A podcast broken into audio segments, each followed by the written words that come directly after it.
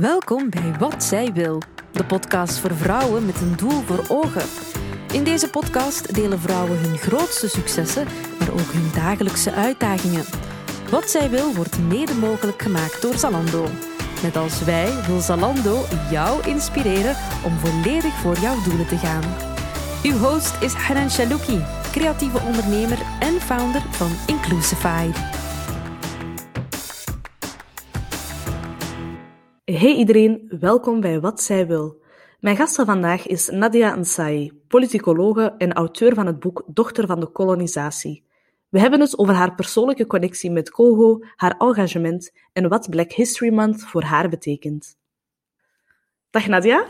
Hallo, dag Anne, hoe is het? Goed, hoe en met jou? Goed, ça va, ça va. Het is... Uh... Uh, ja, corona is natuurlijk nog altijd deel van, van ons leven, maar uh, ik stel het wel redelijk goed, ja. ja. Voilà. Ja, ik heb, uh, ik heb jou het afgelopen jaar heel wat in de media zien verschijnen. Als politicologe, maar ook als iemand die zich verdiept in het thema kolonisatie, vooral Congo. Waar is dat begonnen voor jou? Goh, dat heeft natuurlijk eerst en vooral te maken met mijn, uh, met mijn afkomst. Ik ben uh, een kind van, van België en van Congo. Uh, ik ben in Congo geboren um, als jongste dochter van een Congolese moeder en een Belgisch-Congolese vader. En natuurlijk, ja, ook al ben ik in België opgegroeid, op een punt ga je sowieso op, op zoek naar, naar jouw roots, of toch die, die, die Congolese roots.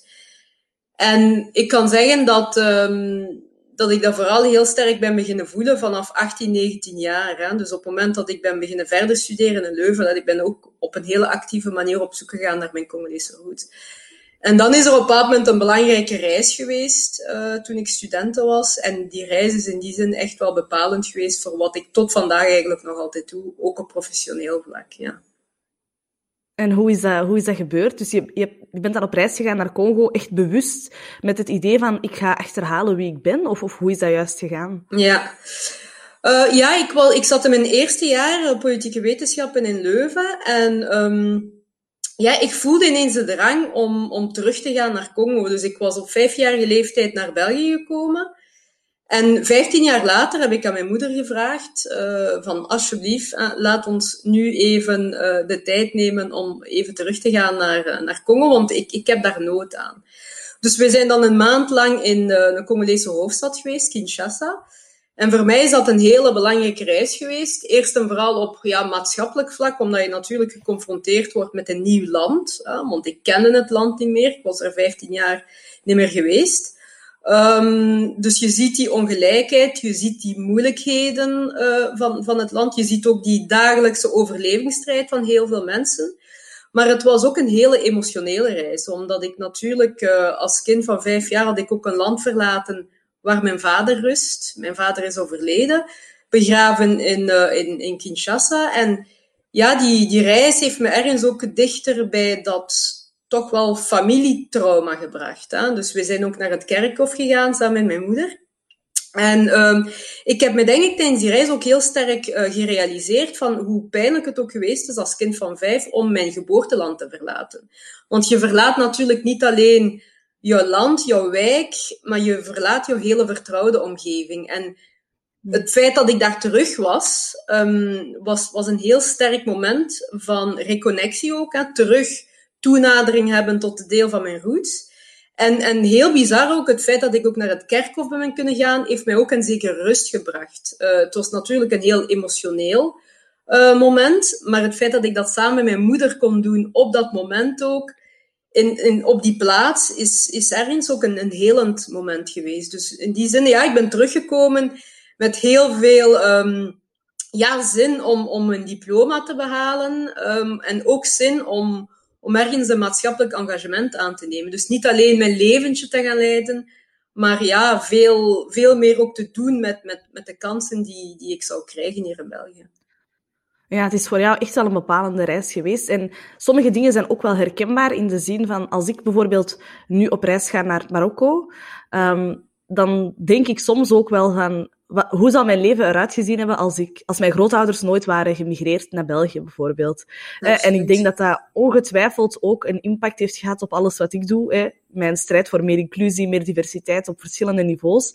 En ik merk dat dat wel heel vaak is bij um, mensen, zeker vrouwen van onze generatie, dat die ook zo proberen om het, om het verschil te maken, omdat, ze, ja, omdat het heel dicht bij je eigen persoon ligt. En ik merk dat bij jou ook wel. Ja, ja, absoluut. En ik denk ook, ja, wij, wij, wij zijn ook kinderen en kleinkinderen van op zich ook zeer moedige mensen.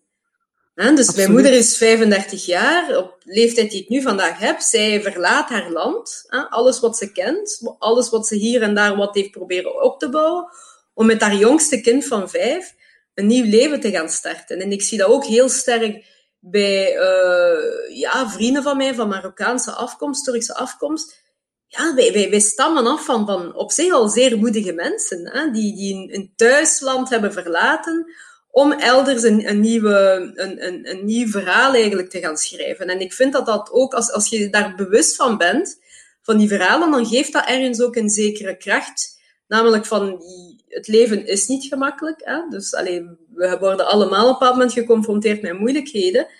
Maar dat de uitdaging is wel om, om, om vooruit te gaan, op welke manier dan ook. En, en ook vooral om te creëren, om, om ja, nieuwe verhalen te creëren voor jezelf, maar als het kan ook voor, voor andere mensen. Dus ja, ik vind toch wel dat dat, dat, dat belangrijk is dat we onszelf niet alleen zien als eh, geïsoleerde uh, individuen, maar we zijn een, een deel van een, van een groter geheel ook. En, en zeker binnen die, die, die families, die verschillende generaties, die elkaar op een of andere manier ook wel een zekere kracht uh, kunnen geven. Ja. Nee, ik vind het heel mooi. Um, en jij hebt er dan ook echt jouw beroep, jouw expertise van gemaakt. Je houdt je vooral bezig met thema's als decolonisatie. Um, voor de mensen die aan het luisteren zijn, wat betekent dat juist? Ja, um, het is zo dat ik, ik heb in een eerste fase eigenlijk van, van mijn professioneel leven heb ik vooral gewerkt rond, uh, rond de situatie in Congo zelf. Maar dan op een bepaald moment heb ik me gerealiseerd dat Congo, of we dat nu willen of niet, of we dat nu zien of niet, Congo heeft tot vandaag nog altijd een belangrijke plaats in België, omdat het ook gewoon vroeger een kolonie is geweest. Hè. Dus we zien dat in de beeldvorming, we zien dat in onderwijs, we zien dat ook gewoon op straat, hè, de standbeelden die er zijn. Dus er is een soort van spook of een schaduw eigenlijk, een Congolese schaduw, dat nog altijd een plaats heeft in, in, België. En ik vond het belangrijk om daar aandacht aan te besteden omdat het uh, voor mij niet alleen gaat over het verleden, maar ook over ja, hoe gaan wij dan de toekomst meer vormgeven. Hè, met onder andere de Congolese gemeenschap, maar ook met andere migratiegemeenschappen die vandaag deel uitmaken van de Belgische samenleving. Dus voor mij die decolonisatie, dat gaat vooral over één, op een kritische manier durven kijken naar dat koloniaal verleden koloniaal verleden van België, maar zelfs veel ruimer van, van Europa. Want heel vaak wordt dat toch goed gepraat door mensen. Hè? Want er zijn toch ook heel veel goede zaken gebeurd. Dat hè? Want dat is altijd iets dat je vaak hoort. Ja, maar we hebben daar toch ook wegen aangelegd. Ja, inderdaad. Maar het zijn de Congolezen zelf die wel de goedkope werkkrachten waren. Die zelf die wegen hebben aangelegd. Dus allee, dat wordt dan zo nooit gezegd. Uh, dus die decolonisatie gaat over aan kritisch kijken naar dat verleden. Het gaat ook over... over um, ja, eh, een beetje proberen onszelf te gaan bevrijden van die zogezegde witte superioriteit, die er ook ergens is ingeklopt geweest ook. Hè? Van, men heeft ons een beetje wijsgemaakt dat het Westen, Europa, zij zijn superieur aan andere delen uh, in, in de wereld. Um, en je ziet dat ja, op verschillende manieren ook altijd terugkomen. Ook bijvoorbeeld in het hele moslimdebat van ja, dat zou dan een, een achtergestelde godsdienst zijn en zou dan niet kunnen samengaan met de Europese uh, verlichting en zo. Ja, wat natuurlijk allemaal zo absurd is. Dus het gaat vooral over het decoloniseren van onze geesten op een meer gelijkwaardige manier kijken naar andere mensen, maar ook gewoon naar de samenleving. Dat is voor mij de, de kern, inclusie en, en meer rechtvaardigheid. Nee, ik denk inderdaad dat het um, zeker ook een verhaal is van perspectief. Um, als ik het gesprek voer met witte mensen over uh, diversiteit of over kolonisatie, dan is het soms heel moeilijk. Soms is het moeilijker dan anders. Als ik kijk naar, als ik een gesprek aanga met mensen die bereid zijn om buiten hun eigen privileges en referentiekaders te treden, dan geraak je volgens mij heel ver in een conversatie. Absoluut. Maar als je mensen hebt die daar heel hard in vastzitten, is het ook moeilijk om duidelijk te maken van ja, maar alles wat je denkt of of denkt te weten over bepaalde culturen of landen, is heel hard gekleurd. Hè. Al van op de schoolbanken. Ja. De verhalen die we, die we gekregen hebben over Congo zijn alles behalve volledig. Absoluut. Ehm, dus ik vraag me dan ook af, hoe ga jij daarmee om? Met, met, met, ja, met die weerstand ook heel vaak. Ja, ja ik, krijg, ik krijg vaak eh, de opmerking... Of, Ik hoorde je zo zuchten. Ja, ze zeggen mij vaak, amai, je hebt veel geduld. En ik, ik moet zeggen, ik, ehm, eh, ik heb me ook wel verdiept in eh, actieve geweldloosheid. Hè? Dus ik ben iemand die... die ik, ben niet, ik ben niet voor geweld en zo. Dus ik ben echt wel voor geweldloosheid, maar wel op een actieve manier. Ehm, en, en ik denk dat dat ook wel heel sterk mijn engagement ook wel wat eh, kenmerkt. Namelijk van, ik probeer echt wel ook mijn punt te maken, maar op een zachte manier. Want uiteindelijk, het gaat niet zozeer over gelijk hebben, het gaat over gelijk krijgen. En ja, je voelt heel sterk vandaag in, in, in België, zeker ook in Vlaanderen, er is een soort van tegenbeweging ook die tegen die verandering ingaat. Hè? Want er is een zekere verandering, zeker sinds vorig jaar, met die Black Lives Matter beweging en die protesten die hebben plaatsgevonden. Maar er is ook een tegenbeweging, namelijk mensen die eigenlijk ja, niet willen dat de status quo verandert. En voor mij is de uitdaging niet per se alleen maar met gelijkgezinden spreken, want daar weet je sowieso dat je op dezelfde golflengte bent. Ik denk dat de opdracht is vooral om, om mensen te proberen overtuigen die nog niet mee in dat verhaal zitten. Maar dat vraagt heel veel, uh, heel veel geduld. En uh, ik moet heel zeggen, ik geduld. Ja, het is dat. Ik uh, heb niet altijd heel veel uh, geduld. En voor bepaalde zaken, daar wil ik ook gewoon geen energie meer in steken. Maar ik word ja, vooral ook gedreven, denk ik, voor. Gedreven door toch die, die, die drang naar, naar, naar verandering en, en ja, naar rechtvaardigheid ook gewoon. En, en ook het besef van, wij zijn allemaal burgers en wij moeten ook op een gelijkwaardige manier behandeld worden. Hè. Dus wij, allee, ik heb daar geen nood meer aan dat iemand mij nog komt zeggen van, uh, ga terug naar Congo of, of je moet daar uh, jouw verhaal gaan brengen. Het is volledig absurd. Dus ik probeer geduldig te zijn. Uh, bij de ene persoon gaat dat iets gemakkelijker dan bij de andere. Ja.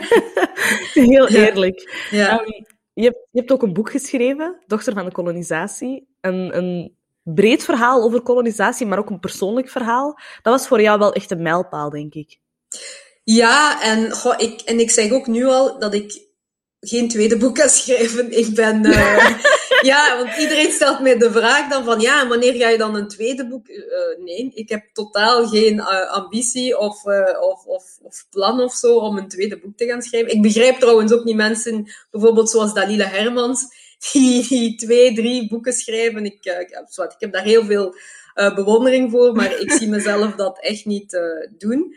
Um, ja, ik heb dat boek geschreven op vraag van uitgeverij EPO in Antwerpen. En um, ik, ik, wellicht zou ik dat boek zelf niet zomaar hebben geschreven, maar ook wel iets zegt over um, ja, de uitgever, uitgeverswereld. Hè. Dus vaak is het zo dat, dat zij naar jou toe komen, maar het ja. is heel moeilijk ook voor uh, mensen van kleur, en ook zeker voor vrouwen van kleur, om zelf die actieve stap te zetten en naar een uitgeverij te stappen om, om, om, om, om een voorstel te doen om een boek te schrijven. Dus ze zijn naar mij toegekomen en ik vond het op zich wel een mooie opportuniteit. En ik heb ook heel bewust gekozen om het persoonlijk verhaal, mijn familieverhaal, dat ook een Belgisch-Congolees verhaal is, om dat eigenlijk te gaan verweven in het grotere verhaal. Omdat ik ook geloof dat, ja, geschiedenis is niet alleen een, een verhaal van eh, moeilijke data en, en grote figuren en zo, maar ja, het gaat ook over hele kleine verhalen van mensen van vlees en bloed. En ik wil dat ook ergens meenemen in het verhaal. Dat is zoals de migratie. Je kan spreken over de Marokkaanse migratie uh, van Marokko naar België uh, na de Tweede Wereldoorlog.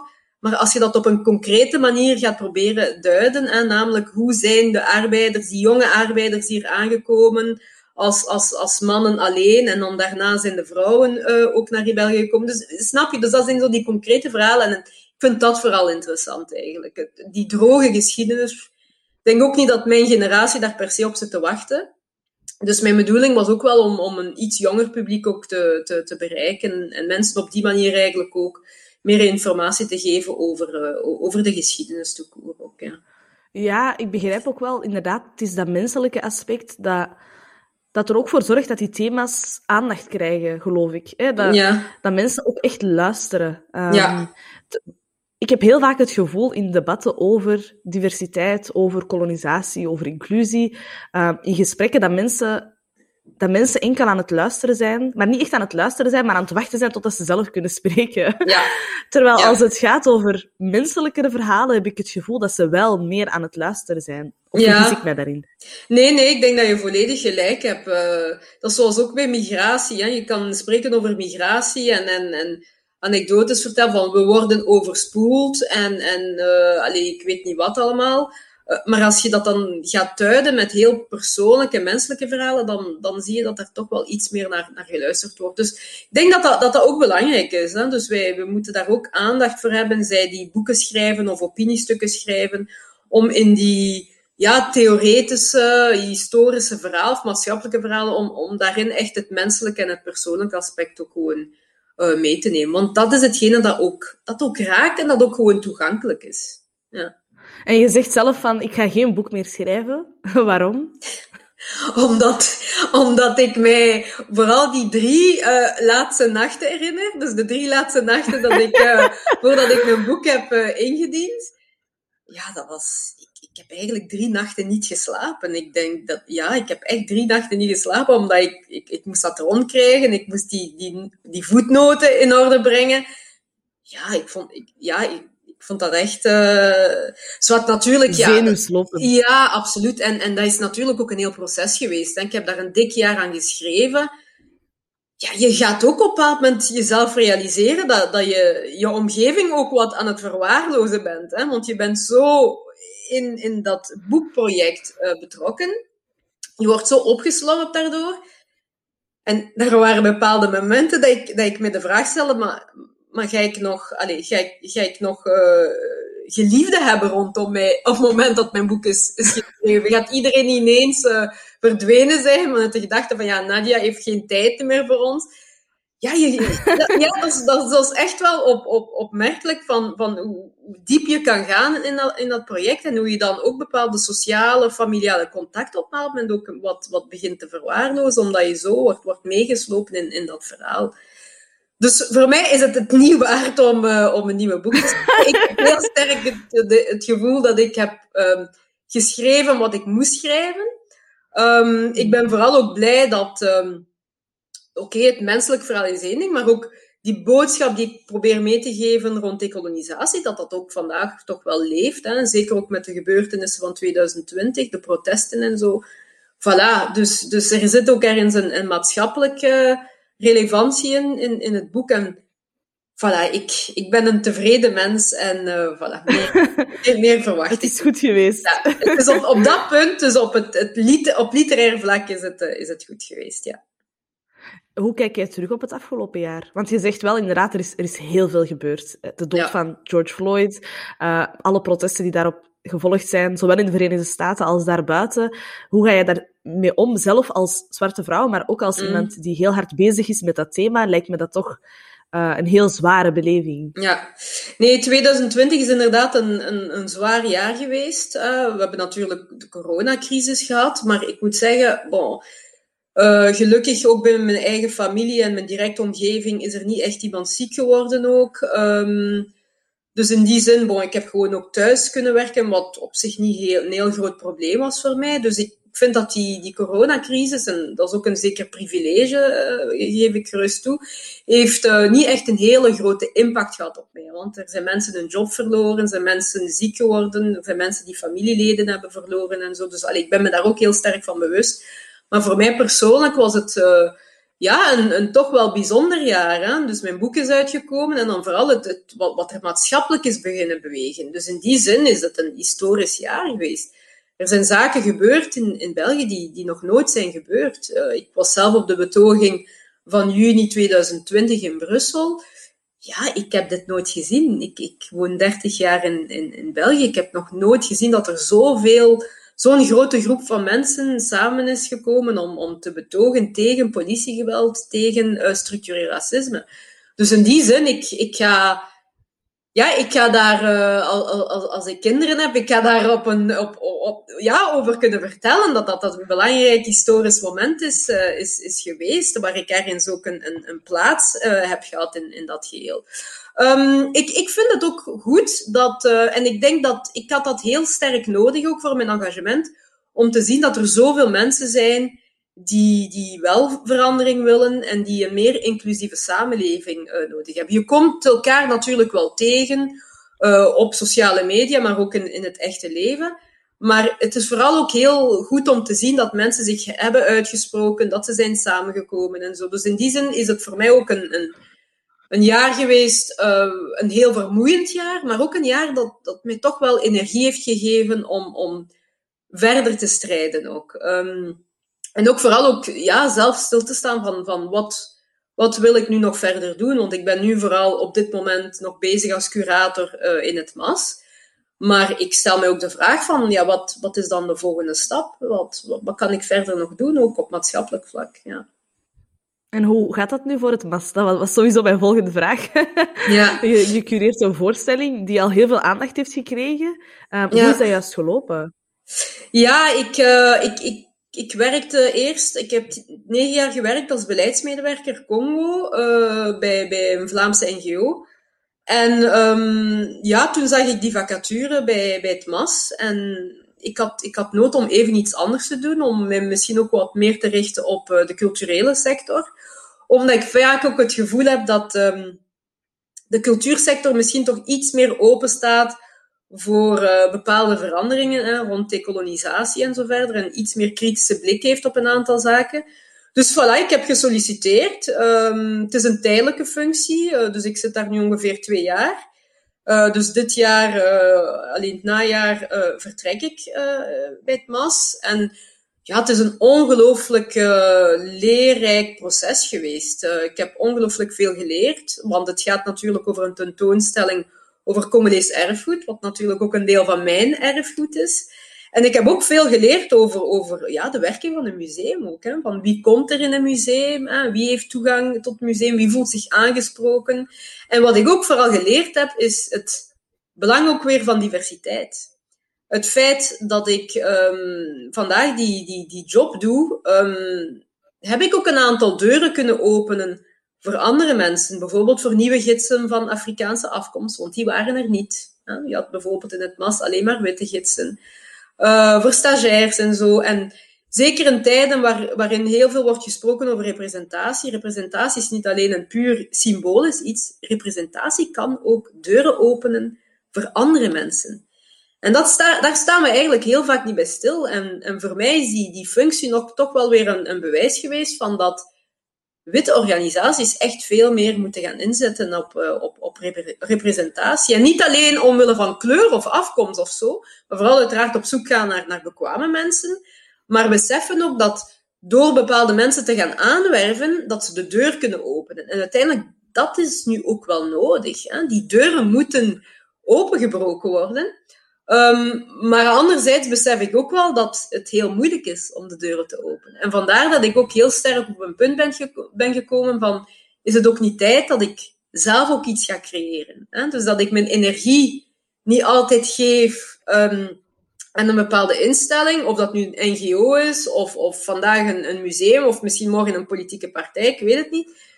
Maar dat ik misschien zelf ook iets moet gaan, gaan creëren. En ja, ik ben daarover aan het nadenken, ook met mensen daarover aan het, uh, aan, het spreken, om, om basis van die ervaring die ik heb kunnen opdoen, die expertise, om, om daar ook iets mee te doen, uh, door zelf iets te gaan, te gaan creëren. En in die zin heb ik ongelooflijk veel uh, bewondering voor vrouwen van kleur, die die, die, die die stappen eigenlijk al hebben gezet, hè, die op een moment hebben besef van oké, er bestaat heel veel, maar je ziet dat, dat inclusie een moeilijk verhaal blijft. Dus we gaan gewoon zelf iets gaan creëren waar inclusie echt van begin af aan al een plaats heeft. Er schuilt een ondernemer in jou, Nadia.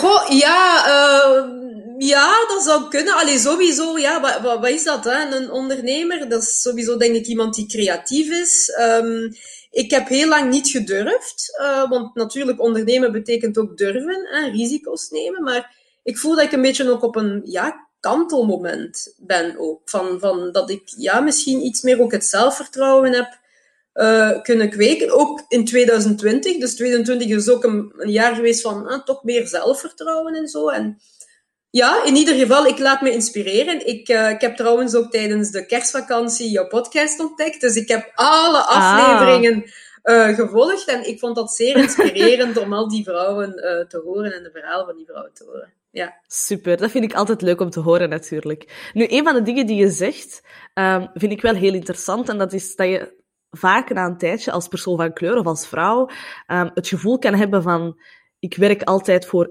instituties, of voor instituten, voor andere organisaties. Misschien is het nu tijd om zelf iets te doen. En dan krijg je, of dan ontstaat er heel vaak de discussie, uh, zeker onder uh, mensen met migratieroutes, van um, moet, je, moet je een stoel krijgen aan tafel aan een witte tafel of moet je je eigen tafel creëren?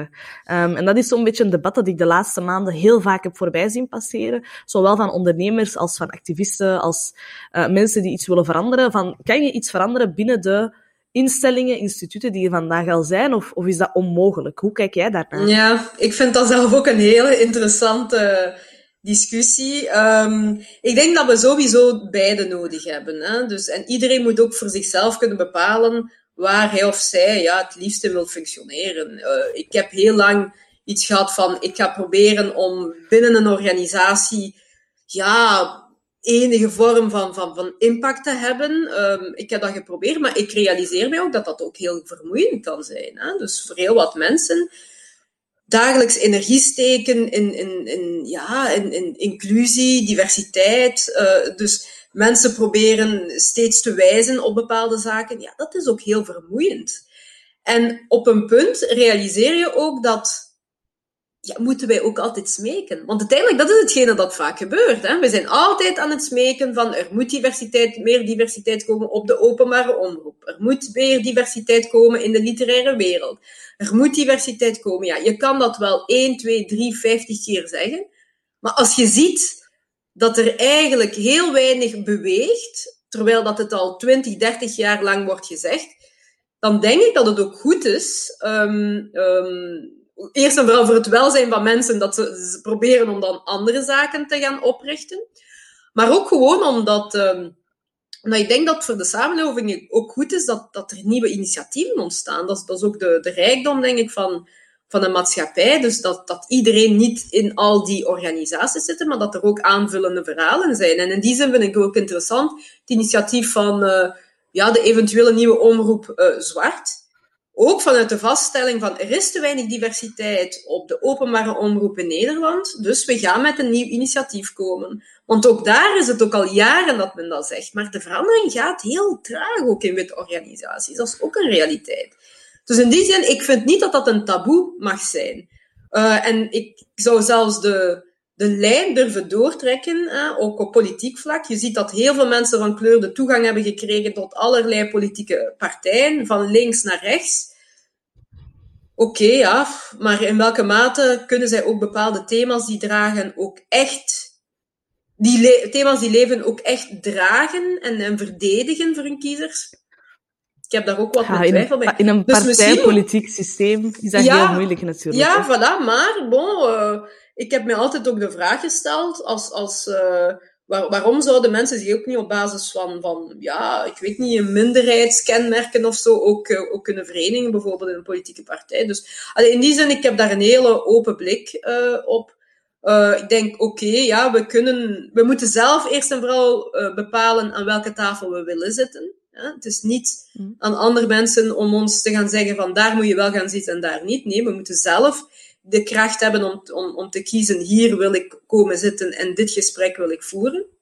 Maar ik heb evenveel respect voor bepaalde mensen die vandaag zeggen, ik doe dat niet meer. Ik heb, ik heb geen zin meer om aan die tafel te zitten en ik ga mijn eigen tafel gaan creëren. Ik denk dat dat ook te maken heeft met emancipatie. En, en ik kan alleen maar ja, en ik denk ook, ik denk ook dat het te maken heeft met hoeveel jaar dat je al bezig bent. Ja. Um, ik denk dat heel veel mensen eerst beginnen met toegang te proberen krijgen tot verschillende instellingen, maar dat ze daarna voelen van, inderdaad, het gaat toch wel redelijk traag, misschien moeten we zelf iets proberen te doen. En op dat vlak, natuurlijk, hè, hoe meer initiatieven, hoe beter, hoe rijker dat ons landschap er ook gewoon, uh, of het nu gaat over ons medialandschap of politiek landschap of eender wat. Um, ik geloof dat we er ook gewoon alleen maar beter van kunnen worden. Um, mm. En zo is er nu ook sinds een aantal jaar Black History Month Belgium. Ja. Wat betekent dat voor jou, Black History Month? Um, ik vind het uh, altijd ook interessant van hoe de VS uh, ons hier in België inspireert. En ook zelfs specifiek in, in, in Vlaanderen. We hebben dat ook weer vorig jaar gezien, hè, met die protesten die begonnen zijn in, in de VS. Hoe dat dan is overgewaaid naar uh, België. En hoe dat dan hier weer een hele eigen, ja, een eigen context krijgt, een, een eigen dynamiek krijgt. En dat zien we vandaag ook met de Black History Month. Het is uh, begonnen, denk ik, vier, vier jaar geleden, hè, met als trekkers Mohamed Bari en Aminata Ndou. En ben blij dat ze dat initiatief hebben genomen, um, maar dat ze ook daar een, een, een eigen uh, Belgische invulling ook aan, aan geven. Um, ja. Ik, op het moment, want we, we hebben natuurlijk, uh, vorig weekend zijn er heel wat debatten geweest rond de vertaling van, van de poëzie van, um, van Gorman en zo. En ik was een beetje bang dat nu met de lancering van Black History Month, dat we ons weer zouden duwen in een hoek van, ja, waarom is dit nog belangrijk? Hè? Dat we ons moesten ja. verdedigen van waarom dat nog Gelukkig is dat niet het geval geweest. Goh, waarom is dat belangrijk? Omdat de geschiedenis van zwarte mensen sowieso onderbelicht is in de Europese geschiedenis. En dus wij, wij op school hebben daar heel weinig over geleerd. Um, dus ja, dat, dat komt nergens aan bod. En dan vind ik het ook goed dat er één keer in de maand, van mij mogen dat, mogen, dat zou dat zelfs veel meer mogen, maar één keer in de maand, uh, één keer per jaar, dus één maand uh, per jaar, wordt er echt wel ruimte voorzien uh, voor een debat om eerst te leren over die, die zwarte geschiedenis of specifieke aspecten van die zwarte geschiedenis. En, en, en daarnaast ook met elkaar in, in gesprek gaan. Daar is een nood aan. Je moet weten, in, in België zijn er ongeveer 250.000 mensen van Sub-Sahara-Afrika. Dat is een vrij grote gemeenschap. En er is een soort van ja, gezamenlijkheid ook. Dus mensen hebben ook wel nood om, om met elkaar in, in gesprek gaan. En ik denk dat het ook voor, voor anderen, niet-zwarte mensen, ook gewoon interessant kan zijn om iets te leren over die, over die zwarte geschiedenis. Um, wat mij betreft uh, zouden ook andere maanden kunnen bestaan. Hè. Er kan ook een vrouwenmaand zijn uh, waar heel specifiek wordt ingegaan op de geschiedenis van vrouwen. Uh, misschien ook een maand rond specifieke godsdiensten en zo. Dus bijvoorbeeld de islam, en wat is de historische context van de islam en zo. Dus ik, vind, ik vind dat redelijk belangrijk om, om de tijd te nemen om, om kennis op te doen en met elkaar in, in gesprek te gaan. En dat niet altijd dat het niet altijd gelinkt is aan een of ander polariserend opiniestuk of zo, maar dat daar echt wel ja. de tijd ook voor genomen wordt. Dus ik ben ongelooflijk fier um, dat, uh, dat, dat wij hier in, in België zo'n zo maand hebben. En, en zeker het thema ook van dit jaar, namelijk het archiveren van de geschiedenis van de zwarte bevolking in België, is een heel boeiend thema. Um, en, en dat ook ontzettend belangrijk is, want de diversiteit die we vandaag zien in onze samenleving, voor ons is dat een evidentie. Maar ja, we weten niet hoe generaties na ons daarnaar zullen kijken. Dus het is belangrijk om, om dat te archiveren, om, om dat vast te leggen ook. Uh, dit geldt trouwens ook voor, voor uh, 50 jaar migratie, de Turkse-Marokkaanse migratie. Ja. Die, die verhalen die, moet, die moeten vastgelegd worden. We moeten dat, moeten dat opslaan, bewaren in, in musea of, of allee, door organisaties laten doen. Want anders gaan die verhalen verloren. En, en ja, Nee, ik vind dat ook wel heel mooi, omdat ik denk... Ik, ik sta er niet graag bij stil bij hoeveel verhalen dat er misschien al verloren zijn gegaan in de geschiedenis. Hè? Hoeveel zaken dat er niet genoteerd zijn. Hè? Hoeveel dingen alleen maar vanuit witte perspectieven zijn bijgehouden. Dus ook op dat vlak vind ik het werk van uh, Mohamed en Aminata fantastisch rond Black History Month Belgium. Um, en ik heb daar ook een, uh, een evenement van bijgewoond, pre-corona, dus twee jaar geleden ongeveer, ja. um, in het Fotomuseum. En ik vond dat ook fantastisch om te zien. Ik heb daar zelf ook heel veel uit geleerd. Um, maar ik denk ook gewoon dat het belangrijk is voor voor jongeren ook, van de Afrikaanse ja. diaspora, jongeren die hier leven, om hun eigen geschiedenis ook te kennen. Ik heb het gevoel dat we daar vaak niet bij ja. stilstaan, wat voor impact dat, dat heeft op ons heden en op onze toekomst. Ja, absoluut. Mensen moeten weten wie ze zijn ook. Hè. Zeker als je jong bent, als tiener ga je sowieso op zoek naar jouw identiteit. Wie ben ik? Uh, die hele identiteitsvorming gaat dan plaatsvinden.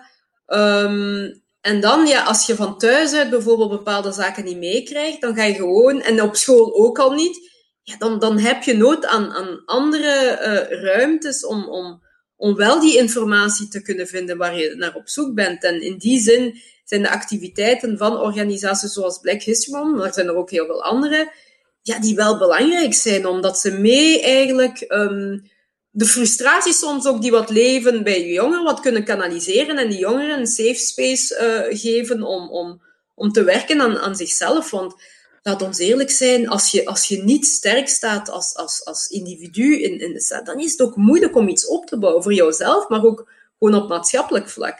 Dus ik, ik geloof daar inderdaad ook heel, heel sterk in. En in die zin, ik, ik was als studenten ook lid van, van een zelforganisatie in Leuven destijds. Uh, ook jongeren van, van Congolese afkomst. En ik heb daar heel veel aan gehad. Ik zeg heel vaak van dat ik eigenlijk heel weinig heb geleerd aan de universiteit zelf. Als ik een beetje terugkijk naar Leuven. Ja, die aulas van de KUL, ik heb daar uh, eigenlijk niet zo heel veel geleerd, uh, om het zo te zeggen. Wat ik vooral...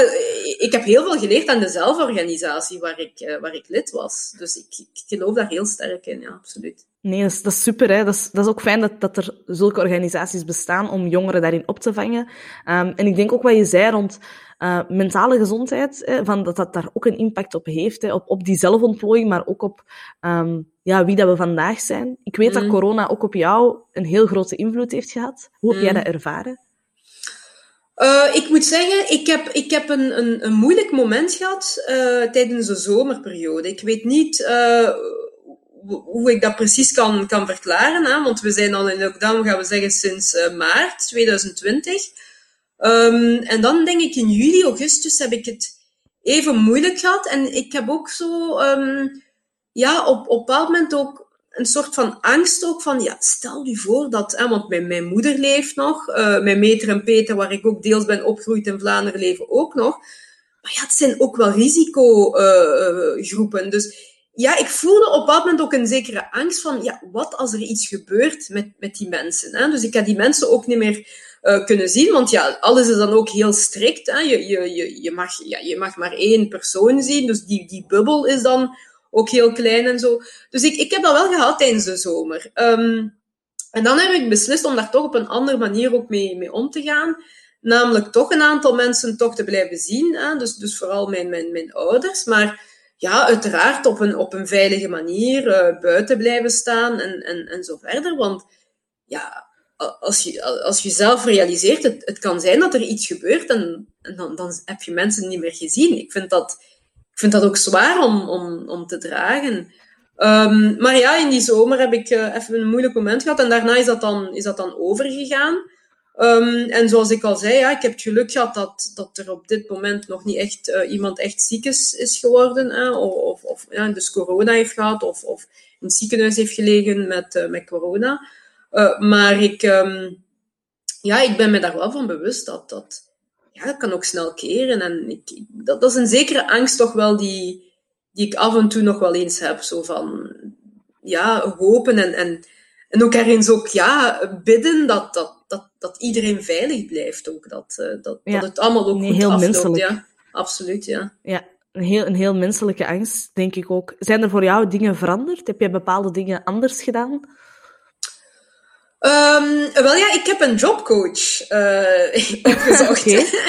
ja, jawel, ik heb een jobcoach opgezocht omdat ik wist, ja, oké, okay, in het MAS ga ik niet blijven. Uh, dus na de expo ben ik uh, weg.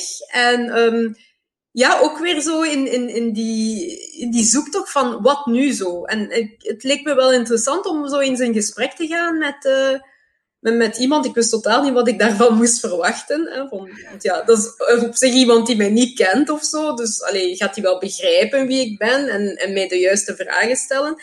Ga ik ook voldoende geduld hebben, bijvoorbeeld, om die, om die gesprekken te voeren.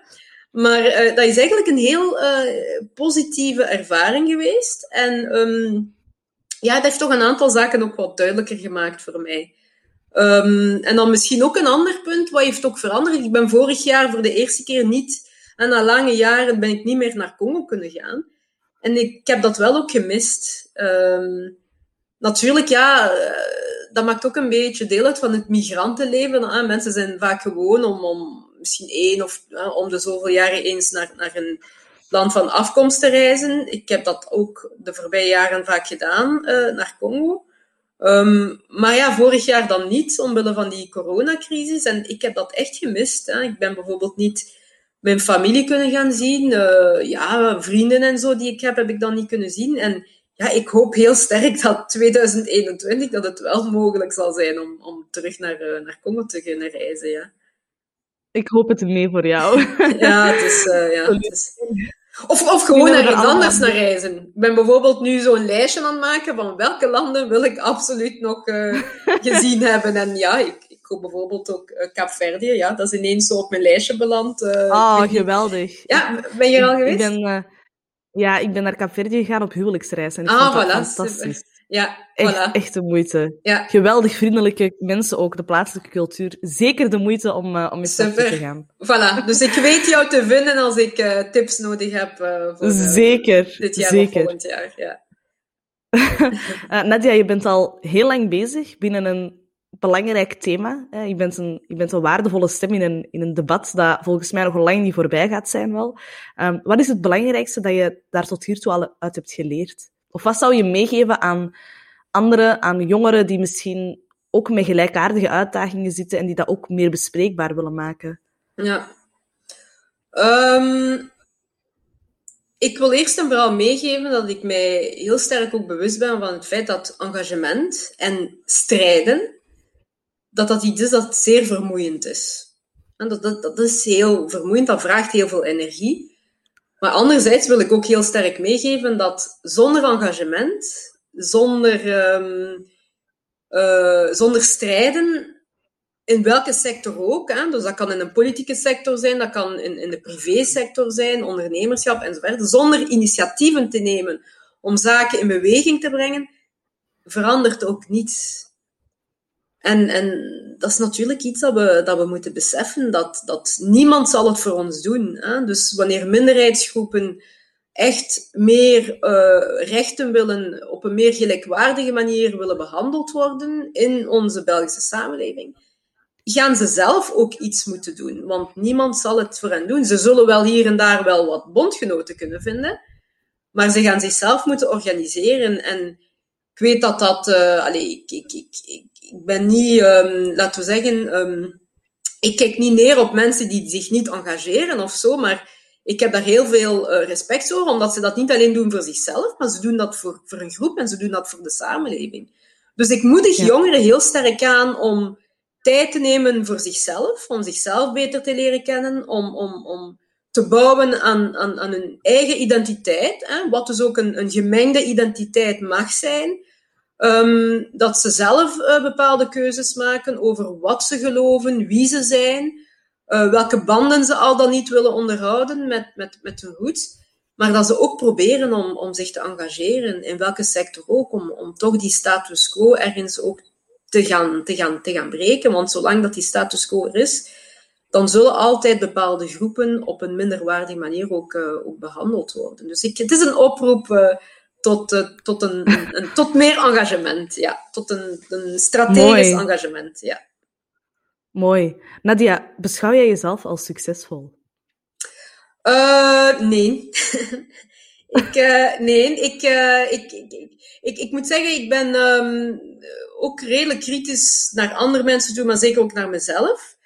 Um, en ik, het is niet aan mezelf om me per se te definiëren als uh, iemand of een vrouw die, die succesvol is. Ik denk dat dat iets is dat ook van buitenuit uh, kan komen. Ook al zijn er mensen die, die dat zelf van zichzelf ook uh, kunnen zeggen.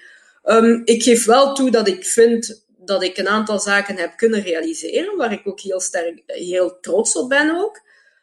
maar ik voel ook dat dat ik nog niet helemaal sta waar ik ook zou, zou willen staan. Maar in die zin, ik denk dat ik ook nog wel wat tijd heb. En uh, dat, dat dat ook het, het, hetgene is dat mij motiveert om ook, om ook verder te doen. Om, om ja, succesvol te worden of te zijn.